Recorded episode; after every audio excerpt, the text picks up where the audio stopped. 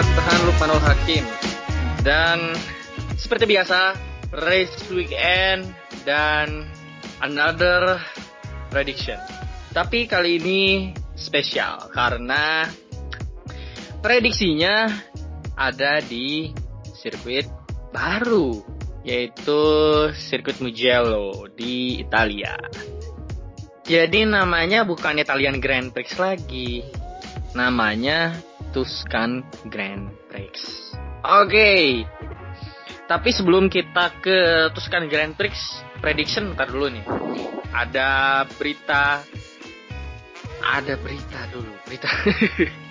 berita yang lumayan sebenarnya nggak kaget juga gua dengernya.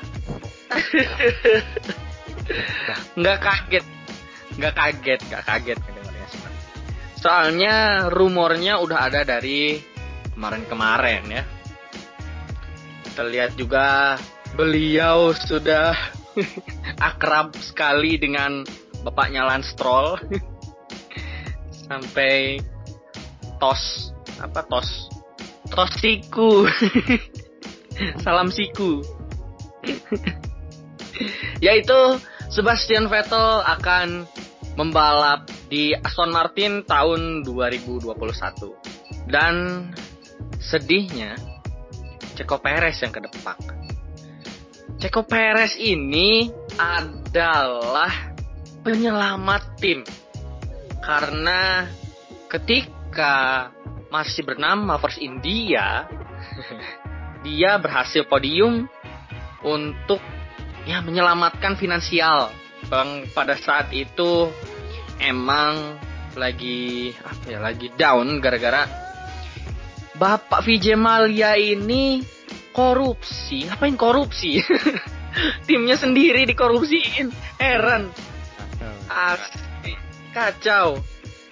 Tapi setelah punyanya Lawrence Stroll uh, dananya kembali lagi kembali lagi apa segar gitu ya Ceko Pereznya di depak sayang sekali. Enggak enggak tahu jasa lah timnya ini. Heran. Dan berita lagi ada Ferrari yang menggunakan livery khusus buat race kali ini. Yang sebenarnya nggak berdampak apa-apa. Nggak ada dampaknya sama sekali. Nggak usah lah pakai delivery khusus lah udahlah ya yang kita tahu seribu mereka seribu Grand Prix kan seribu Grand Prix entry ya tapi ya gitulah. Performanya lagi jelek nggak ngaruh apa-apa juga. Dan sampai safety car jadi warna merah. Waduh. Heran juga Mercedes jadi warna merah. Mercedes jadi warna merah. Tapi gua nih pengen denger opini lu pada. Gimana nih? Respon lu terhadap berita yang Sebastian Vettel akan membalap di uh, Aston Martin. Dari Irham dulu dah. Ini kalau menurut gua ini kesempatan yang bagus buat Vettel. Soalnya Vettel ini pertama kali ngerasain bagaimana performa mesin Mercedes. Karena Aston Martin ini kan kontraknya pakai mesin Mercedes barang Towok juga ini. Terus juga juga kalau yang gua harapin si Perez ini bisa pergi ke khas tidaknya masih masih tetap bisa tetap di F1 Oke, kalau menurut Las gimana As? Oh, kalau dari segi Vettel sih, Vettel diuntungkan gitu, sangat sangat diuntungkan. Dia bisa mencoba uh, mobil baru, pengalaman baru gitu ya. Dengan mesinnya Mercedes gitu. Mungkin dia akan memiliki ekspektasi yang tinggi gitu ya. Tapi buat hmm, Sergio Perez rasanya hati ini sedikit teriris karena eh, sudah sekian lama melihat kehebatan Perez dan akhirnya didepak. Tapi kalau begitu semoga lah dengan uh, terjadinya kejadian ini Vettel ini bisa punya harapan lah di Formula One. Yang gue harapin juga itu sih Vettel ini punya harapan. Yang kita tahu juga Sergio Perez atau Checo Perez yang biasa dipanggil Checo ini apa ya? Skillnya ini bagus ke tire wear. Jadi dia bisa hemat gitu tire wear-nya, bisa lebih awet daripada pembalap-pembalap lain. Itu sih. Yang skill yang jarang gitu orang milikin gitu.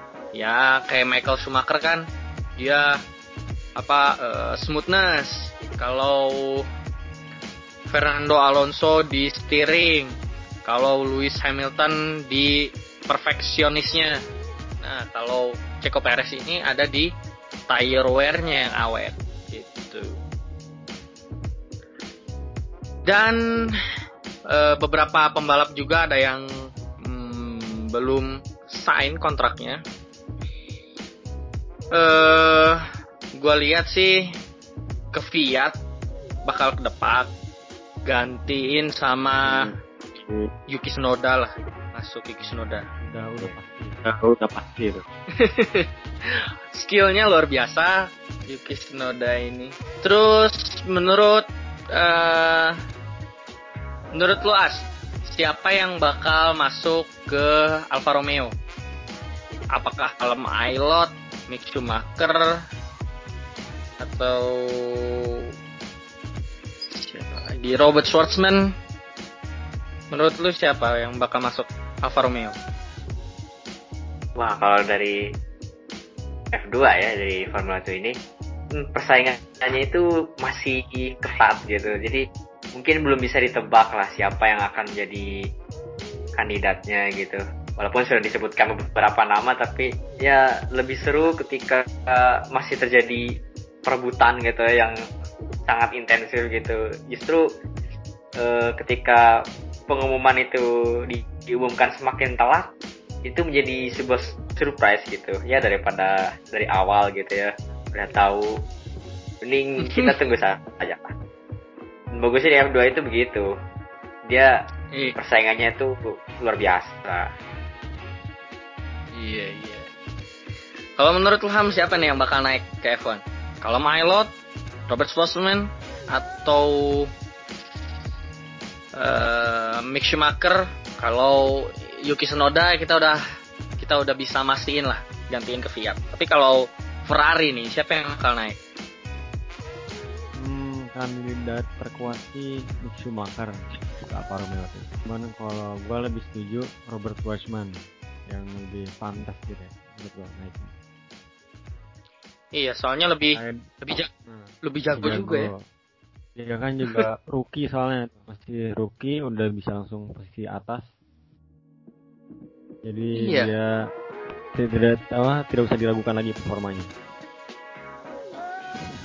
Uh, menurut gua tuh si Mick Schumacher. Menurut gua Mick Schumacher ini bagus. Tapi dia itu banyak pressure-nya, cowok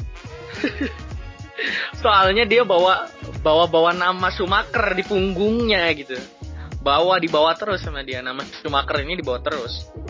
Yang kita tahu kan, ya ekspektasi orang pasti tinggi lah ngedenger Schumacher. Ya tujuh kali tujuh kali juara dunia bapaknya. Anaknya juga ya kita ekspektasikan. Bukan gua yang ekspektasikannya uh, fans Formula One di luar sana mengekspektasikan bahwa Mick Schumacher ini bakal uh, lebih cepat masuk ke Formula One-nya. Tapi iya performanya ya menurut gue sih average aja sih.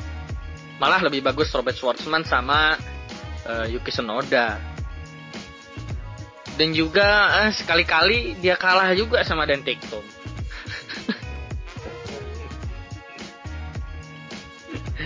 gitu sih persaingan F2 ini emang ketat karena sasisnya sama, mesinnya sama, aerokitnya semua nggak ada yang dirubah. Yang bisa kita rubah ya cuma preference driver lah kayak angle toe, angle uh, cambernya, angle casternya itu baru bisa diatur. Yang lainnya udah nggak bisa diatur lagi gitu. Oke, okay, kita masuk ke main topik yaitu prediction Tuscan Grand Prix. Oke, yang kita lihat kemarin Ferrari ngelawak lagi. Bukan ngelawak sih sebenarnya, unlucky. Dan ya, itulah Ferrari. Kalau yang bisa gue ekspektasiin dari Ferrari ini, karena ini juga test tracknya punya mereka, ya at least bisa lah masuk-masuk di top 10 ya. Kalau menurut lo gimana ya, As? Ferrari ini.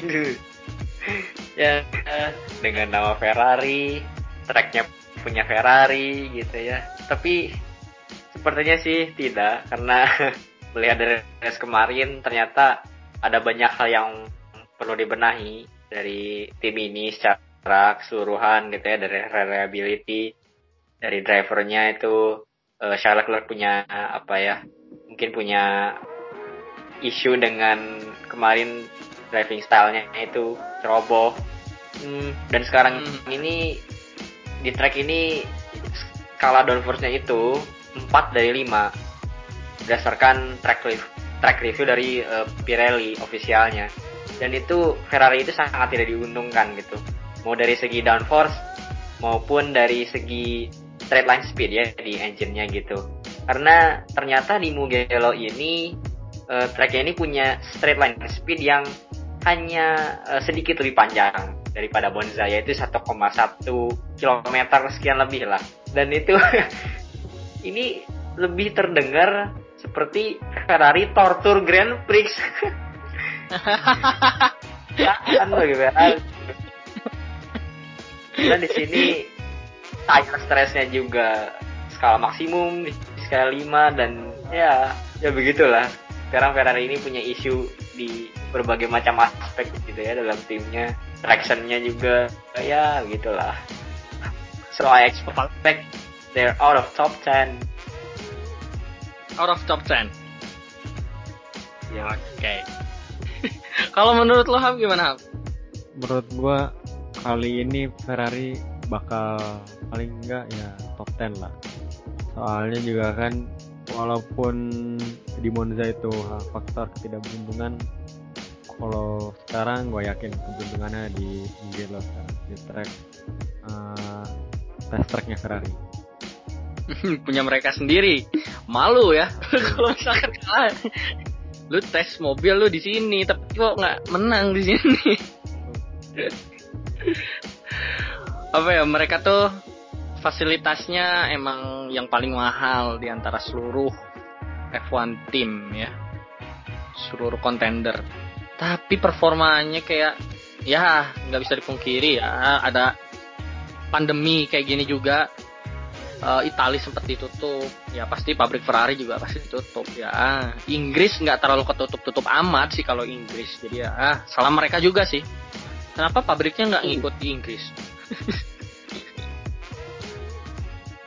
Oke, okay, di Mugello ini banyak uh, flat out corner yang menurut gua ini menguntungkan bagi sasisnya Red Bull sekali lagi. Hmm, kalau menurut gua ya, preferensi gua sendiri nih, menurut gua. Yang gua analisis dari performa Red Bull ini, uh, mereka ini bakal ada di top 3 lagi lah untuk Max Verstappen ya. Kalau untuk Alex Albon yang ternyata udah gue baca itu mobilnya nggak 100% sama kayak Max Verstappen ternyata setelah gue ulik-ulik mobilnya itu nggak sama, nggak equal mereka. Ya jelas lah, kelihatan jomplangnya. Ya, kasihan juga sih. Bisa, maksudnya nggak nggak ini, nggak akan si Albon ini nggak akan didepak dari Red Bull. Kelihatannya ya, kelihatannya ya. Kalau menurut lo gimana nih Ham? Red Bull akan ada di posisi ke berapa? Red Bull ini kalau Max Verstappen berhasil start dengan bagus, menurut gua uh, ya gue yakin bisa juara satu. Albon sendiri ya top 6 lah bisa. Top 6 ya? Satu, dua Mercedes, nggak usah dibahas. itu di, kalau di Monza itu cuman faktor ketidakberuntungan itu Hmm, Faktor Hamilton ya. Bottasnya juga startnya jelek Hamiltonnya juga kayaknya lagi meleng gitu ya nggak baca sign apa sign nggak boleh.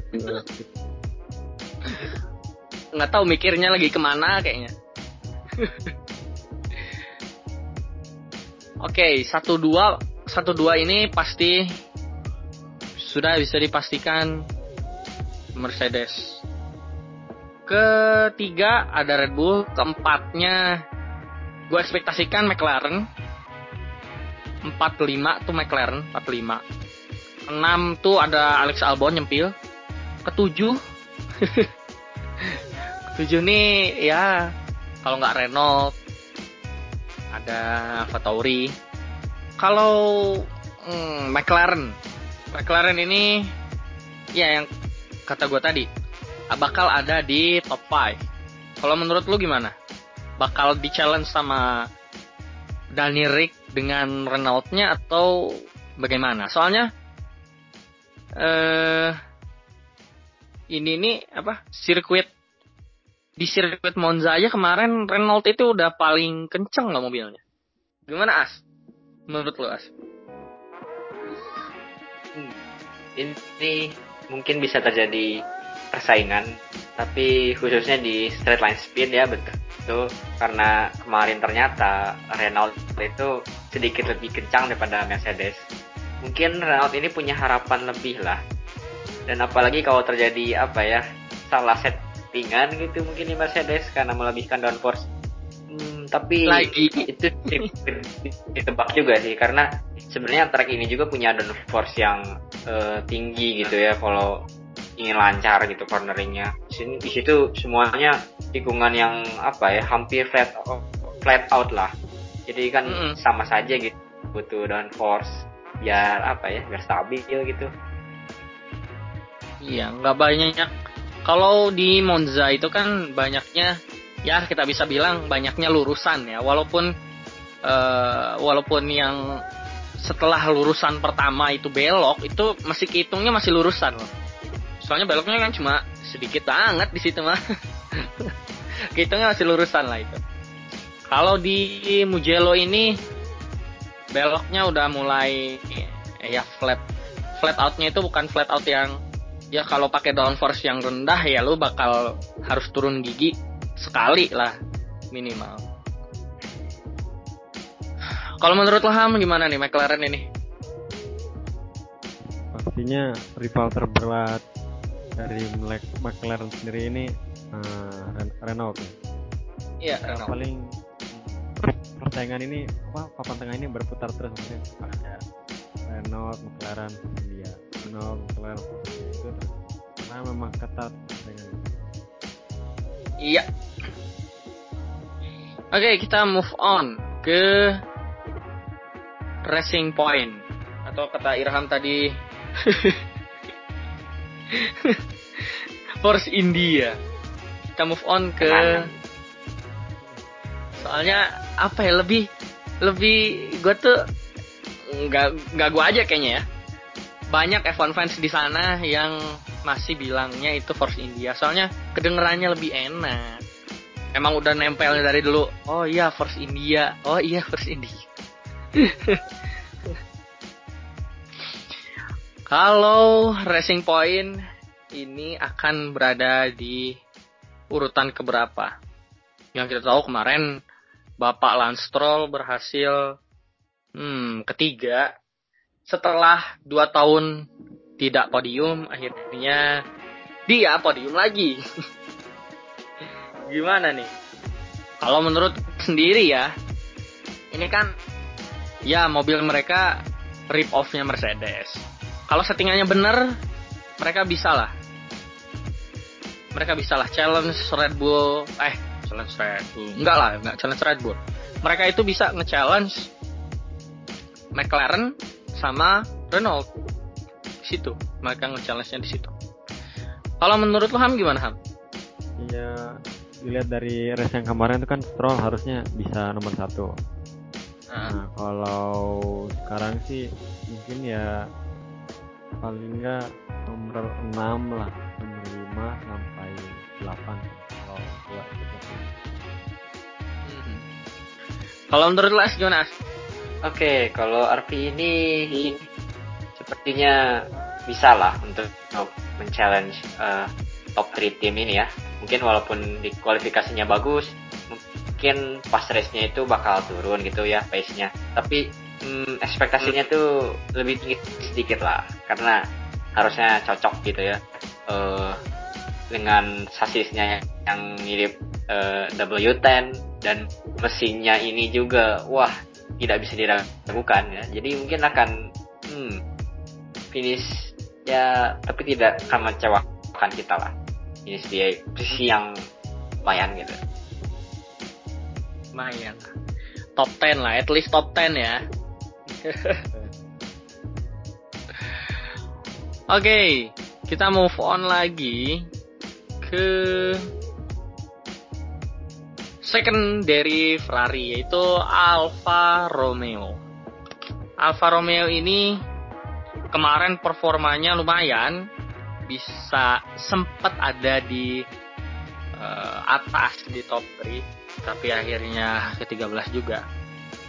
Iya, ekspektasinya gua kalau mereka benar strateginya, kemarin tuh kayaknya nggak bener strategi. Kalau benar strateginya, bisa lah mereka tuh ada di eh, top eh, top 11. nggak dapat poin juga sih, tapi at least ada di nyodok-nyodok lah. Apalagi Kimi Rekonan kan udah berpengalaman. Bisa lah. Spot terakhir tuh ke 10 bisa lah. Kalau menurut lu gimana As? Hmm, kalau dari Alfa Romeo ini mungkin mentok di top 12 karena ya sejago-jago banyak Kimi Rekonan gitu ya. Deng- tapi dengan mobilnya yang hmm, begitulah pasti eh, eh, akan mentok juga gitu. Oh. Oke oke. Kalau Babang Gio Gio gimana Babang Gio Gio? gimana nih Al? Babang Gio Gio. Lebih rendah. Mungkin ke 16 Kalau menurut lu gimana Ham? Alfa Romeo. Hmm, kalau misalkan Alfa Romeo dapat poin itu keberuntungan doang. Sebenarnya sih ya nggak nggak mungkin gitu ya. Bikin Ferrari terus kasusnya ya biasa aja gitu. Jadi ya kita 12 sih gua studinya ini paling banter juga di 12. Dan kita maju atau move on lagi ke Alfa Tauri yang kemarin surprisingly menang di Italian Grand Prix. Kalau menurut gua pribadi di Tuscan Grand Prix ini Alfa Tauri nggak akan jauh-jauh dengan yang namanya eh, top 12. Iya bakal di situ-situ juga, bakal ke situ-situ lagi akhirnya. Soalnya kalau lo ekspektasiin kayak kemarin lagi, ya kemarin mah nggak ada apa ya, tidak direncanakan, Itulah istilahnya. Nggak ada rencana apa-apa, tahu-tahu ke satu, ya, cuma hoki doang. Sebenarnya eh, performanya itu cuma di top 12 gitu. Kalau menurut lo Ham gimana Ham? Hmm, kalau menurut gua Gasly ini bisa posisi 8 karena dia ini memang cocoknya udah sama Alfa Tauri sama Yeah. itu dari Kvyat sendiri sih eh, nggak nyampe sih nggak nyampe poin. Gak nyampe poin ya. Akan Fiat gak nyampe poin. Oke. Kalau menurut lo As gimana As? Hmm, bagi Alfa Tauri ya. Untungnya Alfa Tauri ini punya Pierre Gasly gitu ya. Yang kemarin menang itu bisa terjadi ya kemenangan yang kemarin itu karena selain keberuntungan juga dia apa ya bisa konsisten gitu ya ketika under pressure uh, uh, wah ini setelah red flag dia stay terus di posisi pertama tidak melakukan mistake dan wah gitu ya akhirnya bisa menang gitu.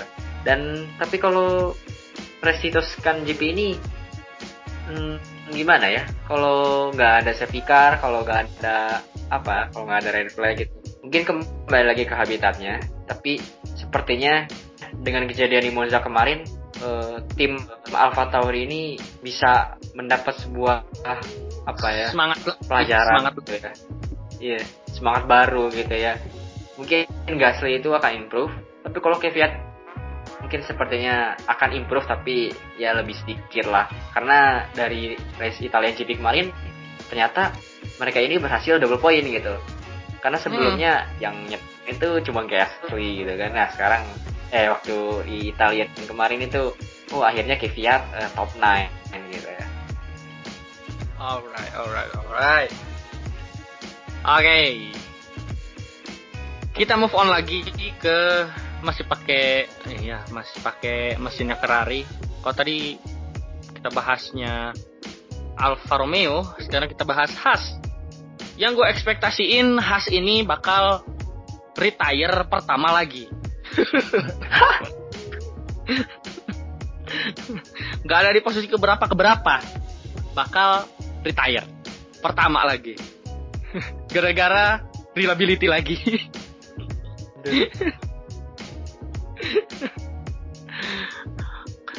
Iya, khas ini nggak jauh-jauh dari 20, 19, 18, 17. Gue ekspektasiin juga ya bakal di situ-situ aja. Bakal stagnan soalnya hmm developmentnya nggak maju-maju kayaknya. Reliability juga nggak diimprove improve Gunter Steiner makin stres. Ya nggak tahu tahun depan. Mau gimana? Tim yang nggak ada progresnya sama sekali tahun ini ya khas. Siapa lagi? Nggak ada lagi yang nggak ada progresnya. Williams ada progres. Alfa Romeo ada progres. Alfa Tauri apalagi. Inilah tim bottom. Tim Formula 1,5 yang nggak ada improve-nya sama sekali ya ini kalau lu gimana As? Hmm. Kalau dari tim khas ini sih sepertinya apa ya bakal steady posisinya lah. Karena kalau melihat tim-tim lain sih ada improve gitu ya sering berjalannya waktu gitu ya. Uh, Williams ada sedikit improve lalu apalagi Alfa Tauri gitu ya. Bahkan Ferrari pun gitu ya walaupun improve-nya ke belakang gitu ya. Tapi kalau Haas ini sepertinya ya gitulah dan bakal retire untuk apa ya retire first retirement dari race nanti itu akan berada di Haas lagi sepertinya rekor heran retire terus Kalau menurut lo Ham gimana nih Ham? Retire apa nabrak orang?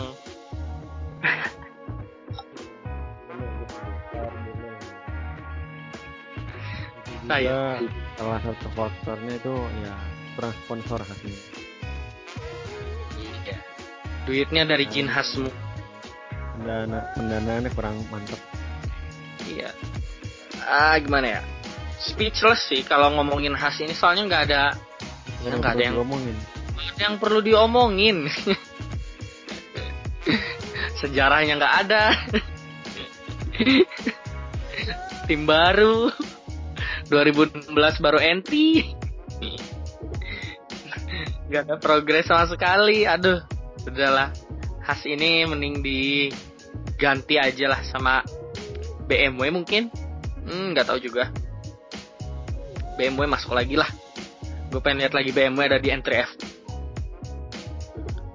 uh, oke okay. terakhir tim terakhir yang kita bahas kali ini ya siapa lagi kalau bukan tim Williams yang udah gak ada keluarga Williamsnya lagi sama sekali di tim ini. Yang gue ekspektasiin Williams ini bakal hmm, ada di top 16 kalau Nicholas eh Nicholas Latifi. Kalau George Russell bakal ada di 16 lah. At least 16 lah. Dia bakal out dari eh dia bakal bisa masuk ke Q2 bisa lah masuk ke Q2 tapi di Q2 ya paling di aja sama dia nggak diapa-apain atau paling improve di 13 kalau mau juga tapi buat apa kalau menurut lo gimana nih As tim terakhir yang kita bahas hari ini Hmm, dari Williams. Oh, ternyata shocking juga. Sedikit shocking lah. Karena Latifi ini kemarin di Monza fi- finish posisi 11 gitu ya. Di atas uh, Russell gitu. Tapi kan itu juga terjadi karena sebuah apa ya kejadian beruntun gitu ya yang chaos itu dan ingatlah gitu ya sebuah race yang seru itu terjadi kalau apa ya banyak pengorbanan gitu ya yang crash dan safety car lalu red flag dan akhirnya grid itu hancur gitu ya jadi acak-acakan gitu dan semoga Williams di Grand Prix kali ini improve lah bisa memanfaatkan sebuah apa ya bila terjadi di sebuah kejadian gitu ya mereka bisa wah nyempil-nyempil kali mungkin ya gitulah.